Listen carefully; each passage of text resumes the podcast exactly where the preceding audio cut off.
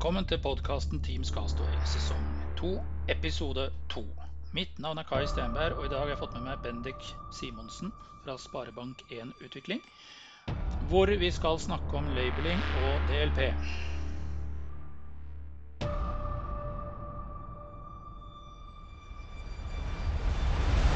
Velkommen, Bendik. Eh, Jeg fikk navnet ditt fra en av mine kollegaer om at du var absolutt en gjest jeg måtte ha med i podkasten. Og da fant vi rom for at du skulle komme inn på sesong to. Eh, og den er vi da godt i gang med. Eh, du jobber i Sparebank1-alliansen, eller gruppen, eller utvikling. Kjært barn, mange navn. Kjært barn har veldig mange navn. Eh, Og i Sparebank1 sitt tilfelle så har vi en veldig kompleks organisasjonsstruktur som, som ikke alltid vises utenifra. Eh, Selskapet jeg jobber i heter Sparebank1 Utvikling, eh, og vi er en slags hub-organisasjon som, som leverer teknologiløsninger til, eh, til egentlig hele Sparebank1-alliansen. Det er ikke riktig å kalle det et konsern. Eh, Slik at eh, de fleste, eller mange av bankene og de andre Sparebank1-selskapene, de, de får en del tjenester fra oss. Eh, De største bankene de kjører sine egne tenants og drifter de selv, mens en del av eh, småselskapene og de mindre bankene de eh, drifter vi tenant for og har hele IT-driften for. Mm. Riktig. Temaet i dag er jo labeling og DLP. Jeg må være dønn ærlig her og si at dette kan jeg ikke veldig mye om. Eh, I min verden så jobber jeg primært med Teams og den biten av det.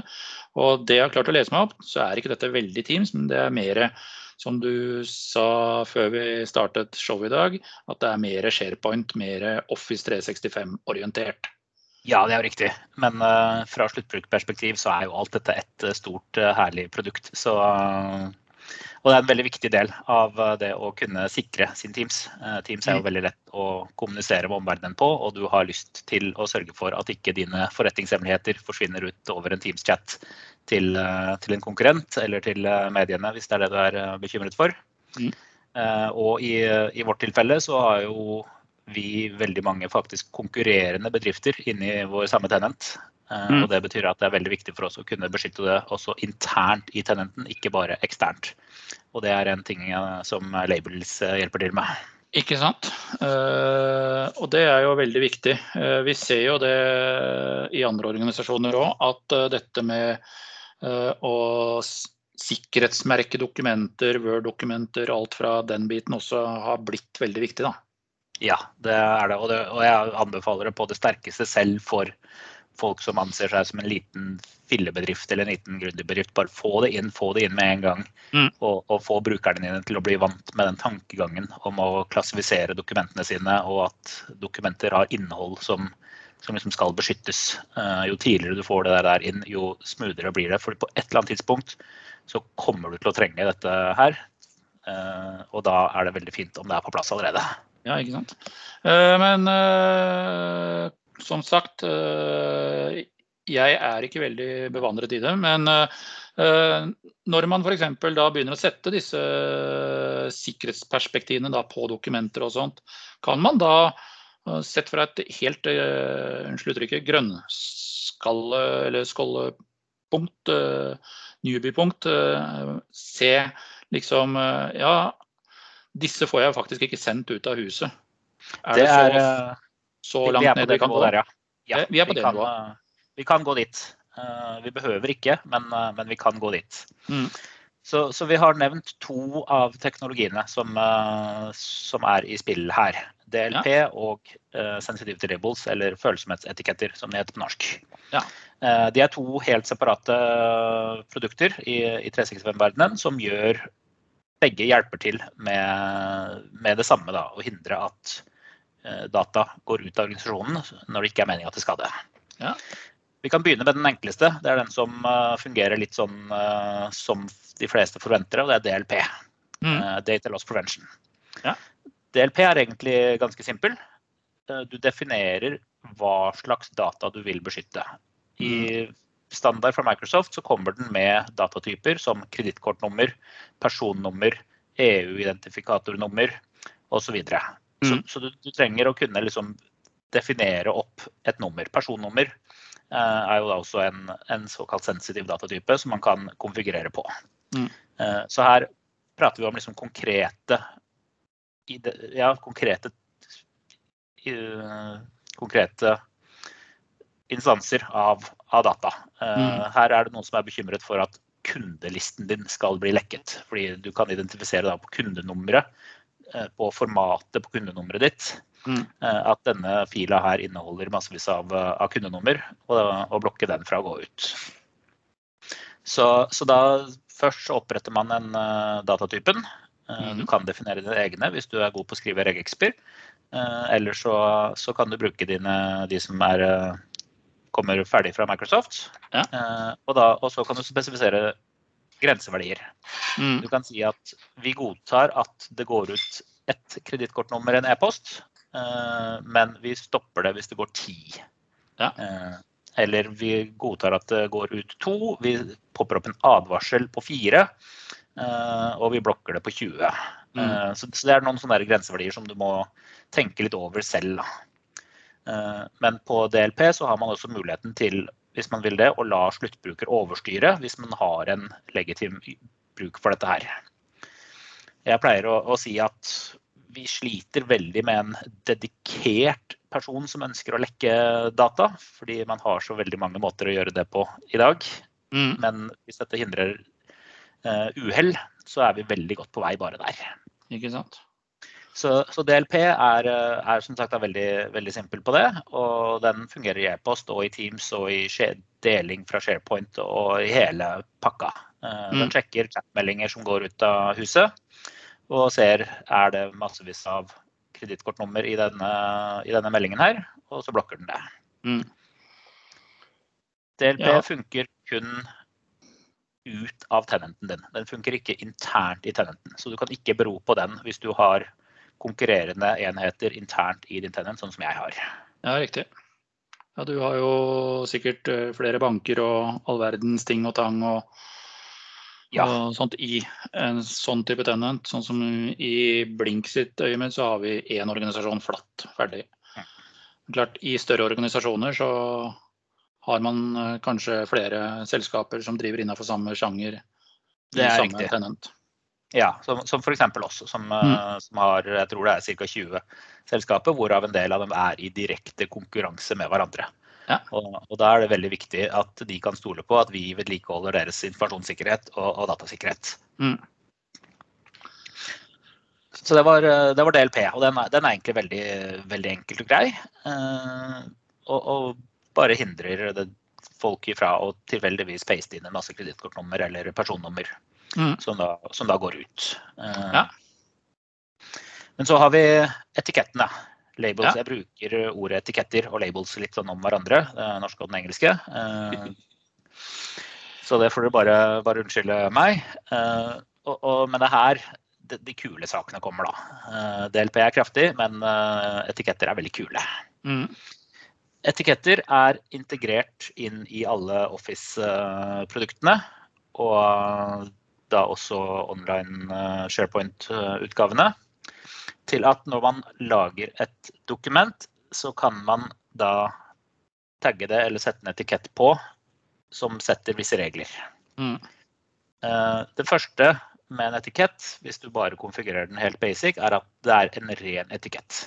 Du kan Mm. tagge ting med, avhengig av deres organisasjonsstruktur med top secret og ultra top secret og åpent og public, f.eks. Mm. Og i sin baseform så, så er det kun det der. Det er bare et tag på dokumentet som vises i Office, eh, og ikke har noen effekt ellers før man eventuelt konfigurerer det. Men allerede der så har man en, en gevinst, fordi enhver person som åpner dette dokumentet, vil da kunne se Oi, dette dokumentet er topphemmelig. Da er det ikke meningen at jeg skal lese det. Nei. Du kan også, men det, men det blir først når vi begynner å sette regler på disse tingene her, at det blir kraftig og, og blir veldig gøy å leke med. Mm. Eh, Hvor er det du konfigurerer disse reglene? Sånn som jeg ser i vår Office f.eks. i Word, Så ser jeg at vi har uh, åpen, intern, konfidensiell og sensitiv og ikke firmarelatert informasjon, Ja. f.eks. Disse alle konfigureres opp i uh, compliance-portalen uh, til uh, 365, compliance.microsoft.com, under uh, den overskriften som heter Information Protection. Ja. Der finner man sensitivity labels. Og da dens bror Label Policy som pusher dem ut til brukerne. Men de kan vi ta litt senere. Ja. Så, så der har du nevnt en, en veldig vanlig kategorisering av, Mm. uh, av der. Du hadde åpen, du hadde interne dokumenter, og du hadde topphemmelig. Ja. Uh, og, og som sagt, før man konfigurerer på noe mer, så er det alt de gjør. Det er et tag bare. Et rent Mm. kosmetisk eh, tag som ikke, ikke setter noen regler, men som, eh, som er der. Mm. Men det man kan gjøre, som, eh, som gjør eh, det kult, er at man kan sette kryptering på disse eh, etikettene. Ok. At uh, når du påfører etiketter på en eh, dokument, så påfører du også kryptering. Ja. Uh, og da har man to valg når man uh, konfigurerer opp kryptering på en etikett. Enten så Mm. kan man sette på at brukeren, sluttbrukeren, får lov å bestemme hvem som får lov til å dekryptere dette dokumentet. Riktig. Eller så kan du sette det til en predefinert gruppe. Mm. Og de har hver sin, sin use case. Ja. Hvis jeg skal sende deg et dokument, og jeg vil at kun du kan åpne det, ikke hele selskapet, men bare du, Mm. så har jeg lyst til å bruke en etikett som er konfigurert med brukerdefinert kryptering. Når jeg påfører den etiketten i Word, så popper det opp et lite vindu som spør hvem kan få lov til å åpne dette dokumentet. Mm. Og da skriver jeg inn Kai. Og så uh, blir det, når jeg saver dokumentet, så, så blir det kryptert. Og dekrypteringsnøkkelen blir lastet opp til, uh, til Azure. Slik Ja. at uh, kryptering og dekryptering det foregår helt bak kulissene, helt automatisk, uten at jeg legger merke til det i det hele tatt. Ja. Så kan jeg sende deg dette dokumentet, som nå er kryptert. Mm. Eh, Og når du åpner det, så vil din Word kontakte Azure og si hei, Mm. jeg er Kai, eh, har jeg lov å åpne dette dokumentet? Og så svarer Azure tilbake med ja, det har du, her er dekrypteringsnøkkelen. Og så dekrypterer Word dokumentet for deg, og så ser det ut som eh, ingenting har skjedd. Ja. Mens hvis noen andre får tak i dette dokumentet, Mm. så får ikke de denne dekrypteringsnøkkelen av Azure. Eh. Så de får et kryptert dokument som de ikke får åpnet. Riktig. Så hvis jeg hadde fått et sånt dokument, og jeg hadde åpna det, og så hadde jeg sagt at ja, det må jeg faktisk dele med en kollega, og så sender jeg det videre til han, og da får ikke han åpna det. Da får ikke han oppnå det. Du må da i så fall reklassifisere det til en, eh, til en, til en etikett som eh, den personen får lov å åpne. Mm. Det er jo veldig praktisk å ha, i hvert fall hvis, du, hvis jeg ser det sånn fra et bankperspektiv. da. F.eks. lånedokumenter, et eller annet i den Ja. eh, settingen. At eh, ting som eventuelt skal signeres Nå går jo det meste i nettbank uansett hvordan man vrir og vrenger på det, da, men du får jo alltid et eller annet dokument du må lese gjennom der òg, Ja. på et vis. Og da er jo det tildelt den spesifikke brukeren. Det er riktig. Dette her er en, en måte vi kan garantere at kun den brukeren du har tiltenkt det, får lov å åpne Mm. det. Mm. Mm. klart, i, I en del situasjoner så er ikke dette ønskelig i, i, i real world use caser. Fordi F.eks. For hvis jeg skal sende deg et, eh, et lånetilbud eller noe sånt nå, Mm. Så har jo du lyst til å kunne videresende det til kona di. Mm. Ja. Det får ikke du lov til så lenge jeg har, eh, så lenge jeg har kryptert det. Ja. Eh, og det er ikke sikkert du som sluttbruker vet eh, hvordan man reklassifiserer dokumentet til en, eller fjerner etiketten fra, fra dokumentet, slik at du får lov å videresende det. Nei. Så man må passe litt på, på disse casene her. Mm. Men eh, det man også da kan gjøre med en, eh, med en etikett når, man, eh, når administrator konfigurerer opp krypteringen på den, er å ikke la sluttbruker definere hvem som har lov å åpne dokumentet, men å predefinere den gruppa. Og Det betyr at du kan ha en etikett som er eksempel intern i ditt selskap. Mm. Kun for det selskapet du jobber i. Som da hvor vi da spesifiserer kryptering, og så legger vi til en gruppe som inneholder alle ansatte i, eh, i selskapet som har lov å åpne dette dokumentet. Mm. Og da, når du klassifiserer eh, denne med, med intern eh, ditt selskap, så vil jo alle som er medlem av den gruppa, dvs. Si alle ansatte i selskapet, Mm. få lov til å åpne det, og de merker ikke forskjell. Men hvis noen tar dette da interndokumentet og prøver å videresende til, til VG, så får ikke den journalisten åpna det. Riktig. Så da, da får du en, en klassifisering hvor du har fri flyt av uh, dokumenter internt, men Ja. du får ikke utenfor den gruppen. Eh, og siden dette går på gruppenivå, så kan man da lage interne avgrensninger uh, internt i din tenent også, hvis du skulle ønske det. Mm. F.eks. som nevnt, jeg har 19 konkurrerende selskaper i Mintenant. Vi er veldig interessert i at ikke de får innsyn i hverandres eh, dokumenter. Ja. Så da setter vi opp en, eh, en, en klasse, en label per, per selskap, slik de kan få lov til å kryptere dokumentene sine med. Og det sørger for at hvis noen i det andre selskapet skulle klare å få tilgang til fila, Mm. den ligger jo vanligvis bak SharePoint tilgangskontroll og Teams tilgangskontroll og sånt i tillegg. Mm. Men hvis noen skulle klare å få tilgang til fila, så får ikke de åpna den.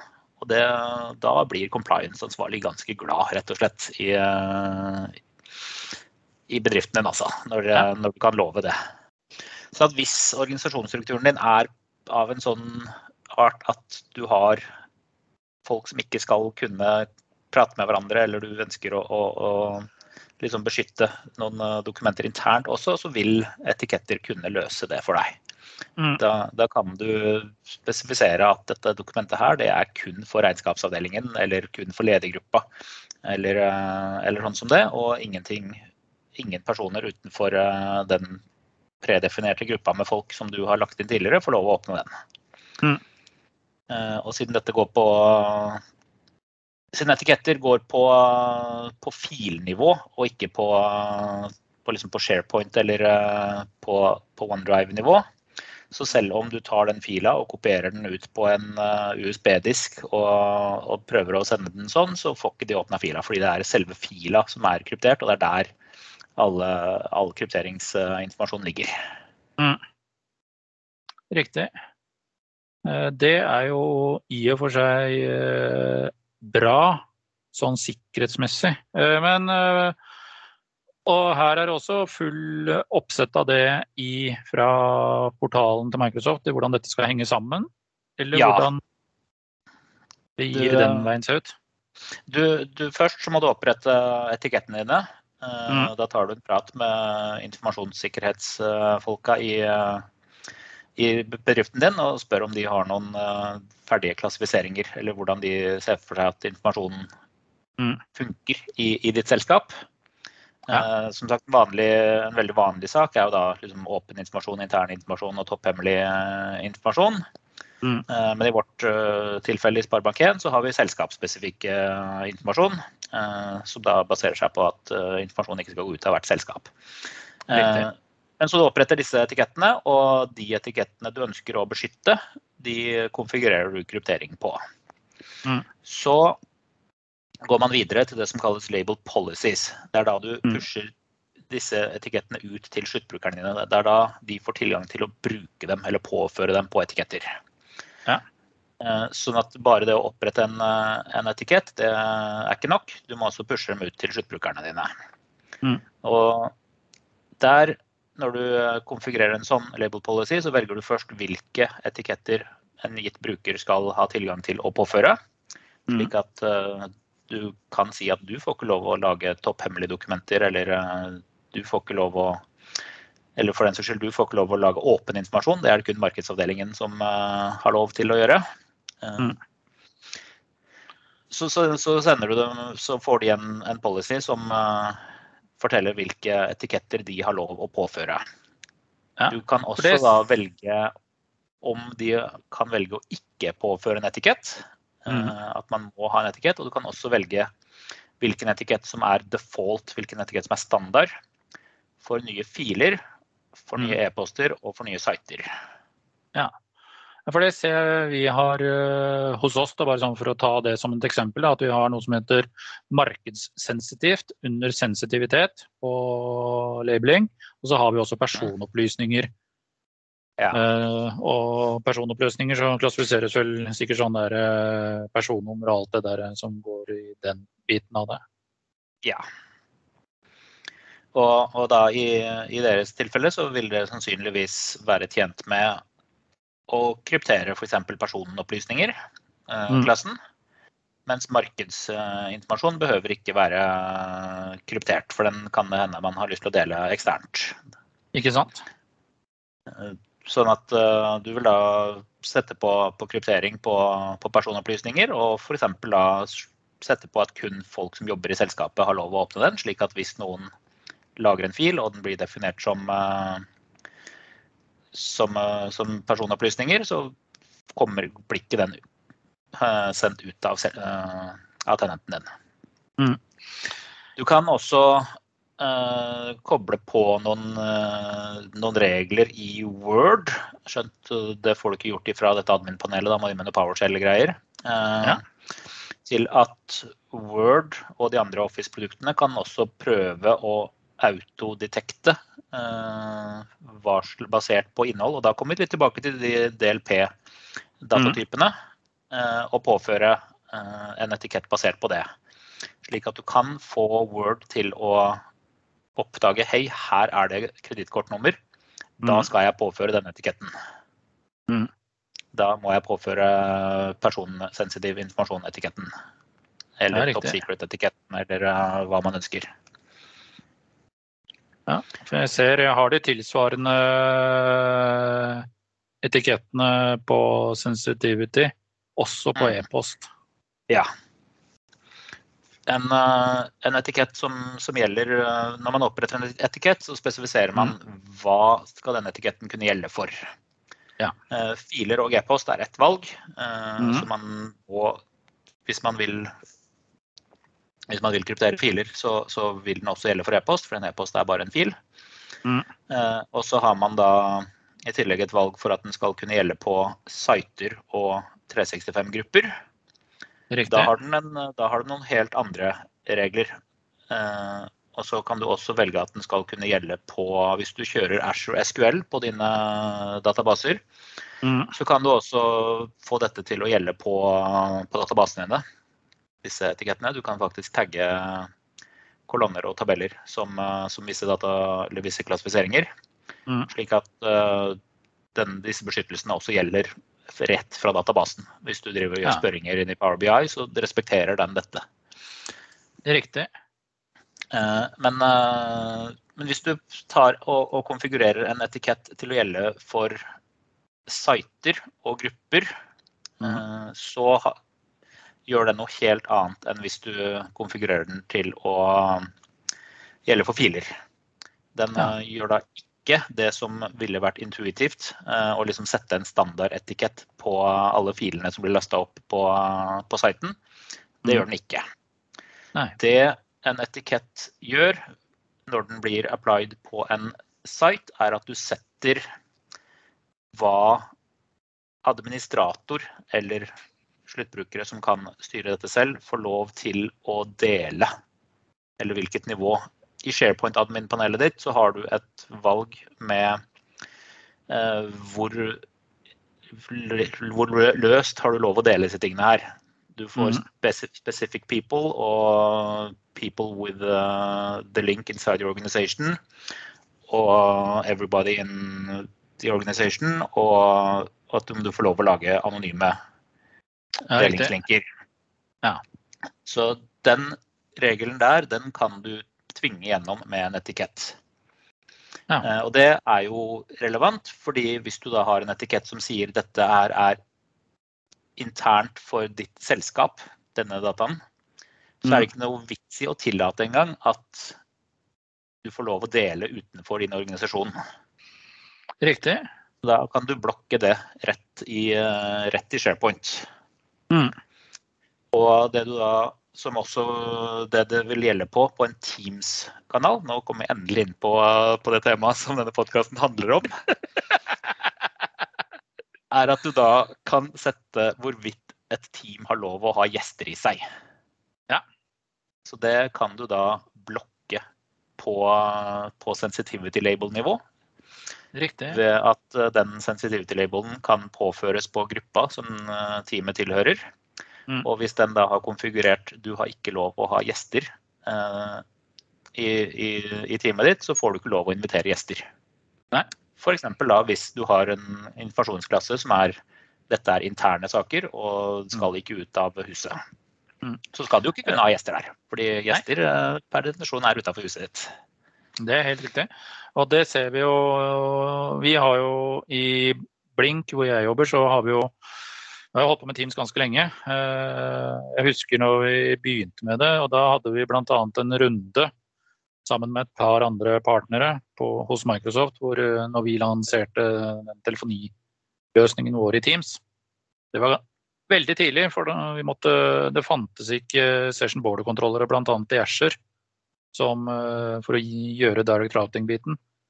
Og mange av dere har sikkert hørt den historien før, at vi måtte lage i Hyper-V og eksportere de over til Asher fra lokal server og gjøre den eksporten for å få det til. Og en av våre samarbeidspartnere i forhold til den biten holdt da et foredrag om dette med å definere team for interne og eksterne, eh, hvor man da satte på teamet at her var det parentes ekstern. Ja for å si at her er det faktisk eksterne deltakere med. Så her du, må du kanskje ha en litt annen kutyme enn det du har når du har eh, f.eks. et bedriftsinternt eh, Nå er det helgehumor, liksom. Ja. Og det er da en av, De har implementert det sannsynligvis ved hjelp av, eh, ved hjelp av labels.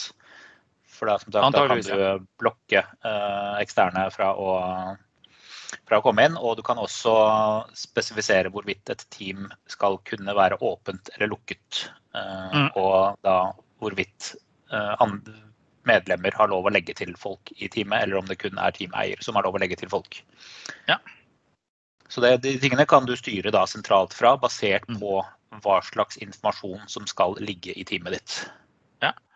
Og vi har jo også begynt å gjøre det litt på litt andre måter også i forhold til uh, når eh, vi får nyansatte, så blir alle, ny, alle ansatte i Blink eh, blir eh, lagt inn med typ om de er konsulent eller om de andre, har andre roller.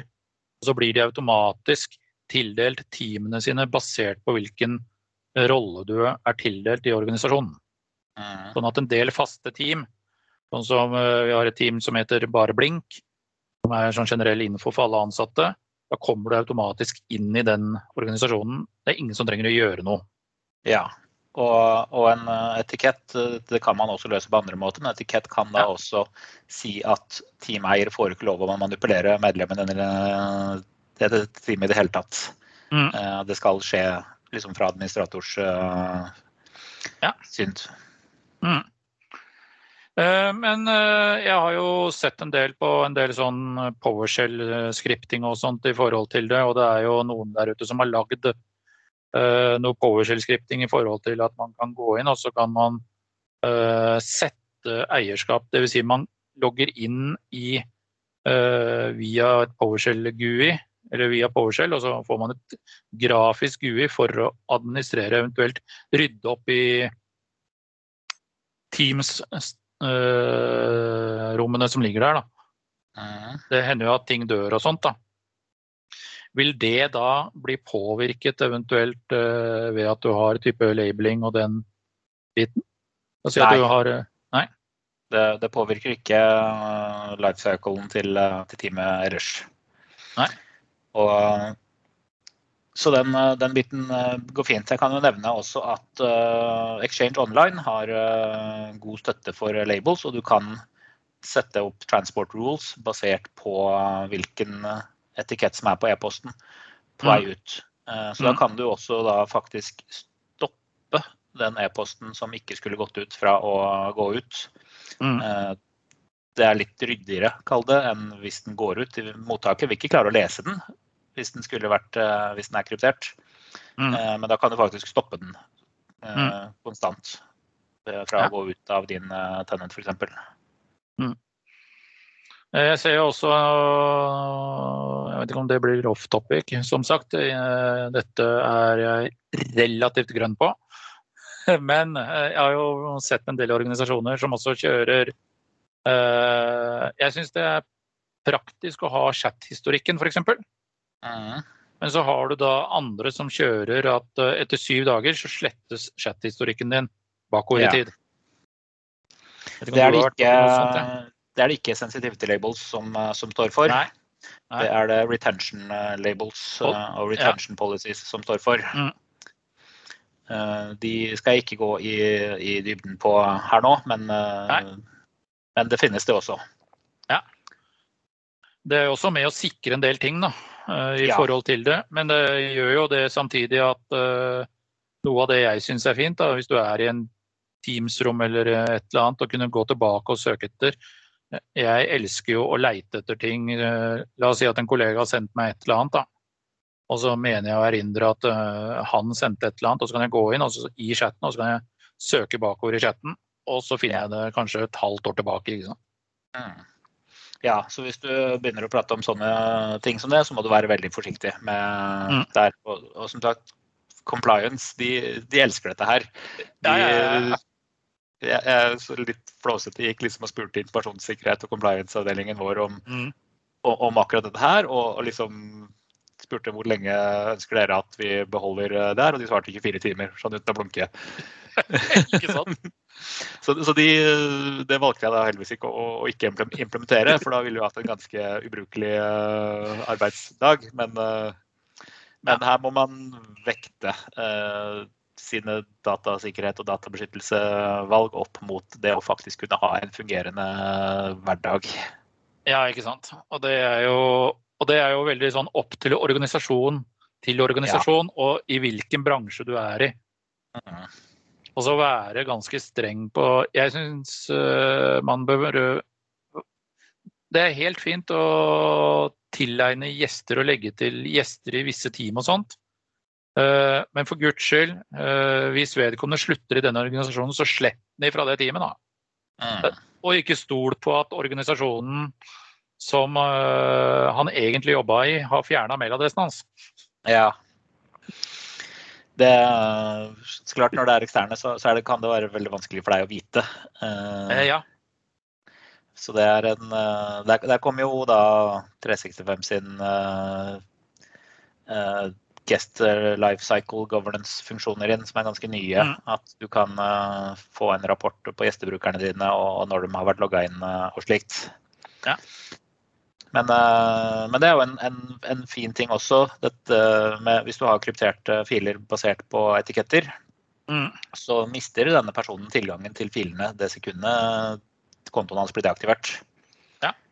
Eh, slik at du kan da også være trygg for at eh, du har, ikke har en bad actor som eh, har tatt med seg massevis av dokumenter og har tenkt til å lekke dem eh, etter at han har slutta. Mm. Fordi han mister, kommer til å miste tilgangen eh, når han blir meldt ut av gruppa eller når kontoen blir aktivert. Mm. Dette, jeg kan jo også nevne at dette krypterings- og, og labelingsystemet det fungerer brukbart greit også til sluttkunder eller tredjepartsfolk hvor du ikke har noen idé om hva slags IT-system de sitter på. Ja. Eh, Hvis mottaker har Office 365, så, så funker Mm. dette her bankers. Eh, Ja. Mottaker vil trenge en Microsoft-konto, er, eh, er, det dem- er det som sies. Eh, Slik Ja. at hvis du sender det til, en, til bestemora di, et kryptert dokument, så må hun ha en Microsoft-konto for å registrert på den e-postadressen du har sendt det til, for å få åpna det. Men da ordner uh, SharePoint og, eller OneDrive den biten der. Mm. Når, de, når hun da logger seg inn i din uh, tenent som en uh, gjester eller delebruker. Mm. Gmail. sender det til, ja, til Google, da, f.eks.? Ja, Gmail har også ordna dette her bak kulissene, fordi eh, det var en eh, såpass stor sak, eh, eller skjer såpass ofte, at Mm. Google har rett og slett bare oppretta en Microsoft-konto eh, for deg, omtrent. Eh, Sånn at dette her, eh, i hvert fall fra de rapportene jeg har fått fra våre tester, så, Mm. så har dette også fungert helt fint. eh, Ja, for- og, relativt uh, smertefritt. Ja, og selv om vi er et Microsoft-hus uh, og er veldig pro Microsoft, så har vi også kunder som faktisk sitter og kjører type uh, Google og Google Docs og alt det som hører med i, det, i de pakkene. Og så bruker de ikke Teams heller, og, men de bruker Slack og de bruker eh, Cisco Webex osv. ikke sant? Mm. Og når du da f.eks. Hvis vi skulle ha sendt et kryptert fil til en av disse kundene, da, så hadde det vært greit å vite at eh, de faktisk får åpna greia. Ja. Det, det, det, skal virke, er vel det jeg uh, ville si om det. Uh, du, for å kunne gjøre det med, med Office-appene, så, så, må du jo mm. ha desktop-appene f.eks. Uh, ja. Og der kan jeg også da si du bør ha Office 365 Pro Plus-installasjonen, uh, mm. og ikke Office 2019. Office 2019 har ikke labelstøtte innebygget, Nei. men det har den versjonen som heter Office 365. Ja. Uh, du kan bruke labels og, og dette Microsoft Information Protection eller Azure Information Protection, avhengig av hvem du spør. Mm. Uh, på til vilkårlige filer, ikke bare Office-dokumenter. Uh, da må du ha en klient. Uh, mm. Da har man en klient som heter Azure Information Protection Client, som ja. kan kryptere og dekryptere vilkårlige filer. Da kan du sende bilder og PDF-er og tekstfiler beskyttet med, med etiketter og, og, kryptere de. De er da beregnet for at du skal kunne legge en fil på et on-prem-miljø, f.eks. Hvor du, mm. legger, du kan ta en fil, kryptere den og legge den på et offentlig filområde, og så skal det håndteres av, av krypteringen. Ja. Beskyttelse der. Så det, den er litt mer sånn ja, on-prem-tankegang on-prem-tankegang rundt den uh, fila der. Men uh, dette her er fullintegrert i, uh, i SharePoint og OneDrive. og moderne Office 365. Skjønt i SharePoint så må du faktisk gå inn og slå det på i eh, SharePoint admin-panelet ditt. Ja, riktig. Eh, men eh, sånn som hvis du ja, men sånn som hvis du da uh, i La oss si at du oppretter filene da, fra Teams i files der og lager Word-dokumenter, Excel osv. Og, yep. og jobber, jobber, derifra.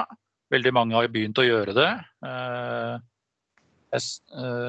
men eh, vi alle vet jo at eh, de filene ligger jo da på SharePoint. Må du da ha enabla det der på forhånd i SharePoint? Du må ha enabla det på SharePoint-tenenten din. Riktig. Ikke, ikke på site-nivå, men på, på tenant-nivå. Ja. Det er en option i Classic SharePoint admin-panelet for, okay. å, for, å, slå på IRM. Jeg tror den er av som default selv i dag, og jeg vet ikke helt hvorfor. Men, uh, men sjekk den hvis, mm. du, uh, hvis, du, har tenkt til å gjøre det. Da får magisk eh, både SharePoint og OneDrive, siden det er SharePoint, støtte for dette her. Mm. Og, og, da, når du da har det, så funker jo webutgaven også med, med dette her. Og, da, og det er jo den som Teams bruker. Eh, mm. Hvis du sitter i Teams-appen, så bruker du webutgaven, og, og, da får den støtte for, eh, for dette her. Ja. Og en, eh, hvis du har konfigurert det på etiketten, så vil, du, vil den ikke save dokumentet f.eks. før du har satt på en, en label. Mm. Nei, men kult. Jeg har i hvert fall lært veldig mye. Jeg tror også mange av lytterne har lært veldig mye. Men hvis vi oppsummerer, da. Eh, hvis du har en tre-fire sånne punkter sånn på slutten som vi skal lage noen knagger, da. Sånn at uh, lytterne som er like grønne som meg i dette her, uh, skal kunne sette seg ned, gjøre et Google-søk og se hva skal vi Hvor begynner vi? Da begynner du først med å, å gå til compliance-avdeling eller dataklassifisering uh, eller hvem som helst i din organisasjon som har noe peiling på liksom hva slags informasjonsklassifiseringer dere jobber med internt. Mm. Kanskje det er daglig leder hvis dere er et lite selskap uh, som har noen tanker om dette her, og, og finner ut hva skal dere gjøre. De, ja. de, tekniske tingene her er ikke vanskelige. Uh, du konfigurerer det lett i, uh, i compliance-portalen, og det er Wizards som mm. guider gjennom alt sammen. og og det er ikke, ikke, vanskelig der, men det er veldig viktig at du får riktig labelstruktur. Fordi den eh, er ikke bare bare å endre på i ettertid. Ah. Så at, eh, du, du, må sørge for at du får deg en, en label-struktur som res, reflekterer de dataene dere faktisk jobber med. Sagt, i, I Blink så, så, jobber dere med interne data og markedsdata og topphemmelige data. Og i Sparebank1 så jobber vi med data som tilhører ett og ett av våre 20 selskaper i, ja. i vår. Mm. I tillegg til noen andre uh, klasser som går litt på tvers. Men, uh, så det er viktig at du, at du får reflektert de dataene du faktisk jobber med. Eh, mm. Er du bare et selskap liksom, som, som, sitter og jobber med én ting, så, så, funker det helt sikkert fint med en åpen intern og top secret-klassifisering. Så etter det når, så oppretter du de, og så pusher du dem ut til brukerne dine. Og så kan du gå til compliance-ansvarlig og få en kake av dem, for da blir de så glade.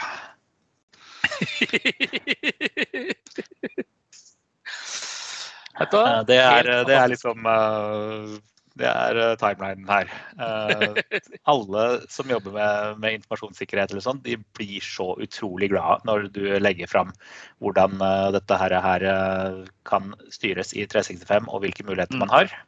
Mm. Så da blir du virkelig dagens helt. Det er høyst anbefalt bare pga. det.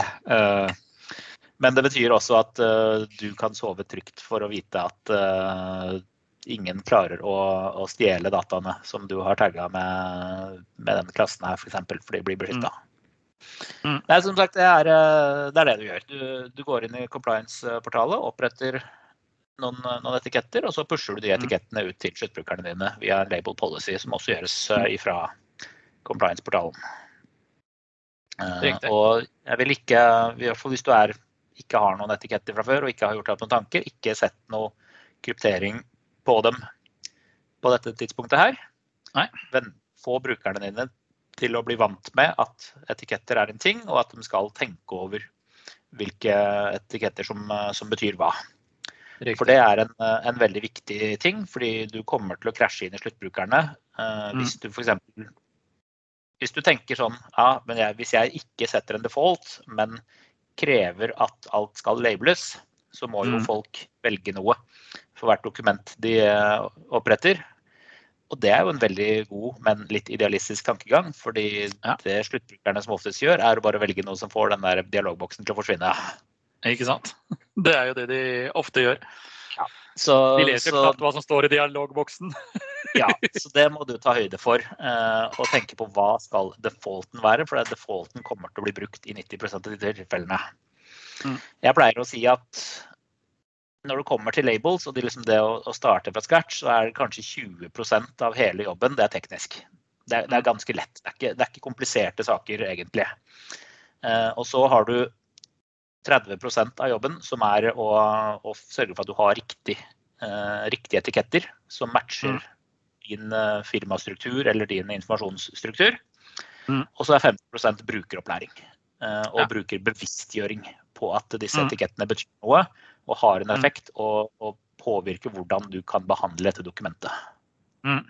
Ikke sant. Og opplæring her er jo viktig uansett. Jeg tror vel øh, veldig mange som kanskje innfører det, glemmer den biten. Ja, så ikke glem den. Husk den. Det er det aller, aller viktigste her.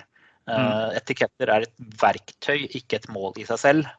Nei. Og det er en, et verktøy som tvinger sluttbrukerne dine til å ha bevisst, gjøre et bevisst valg på hva er det som er i dette dokumentet.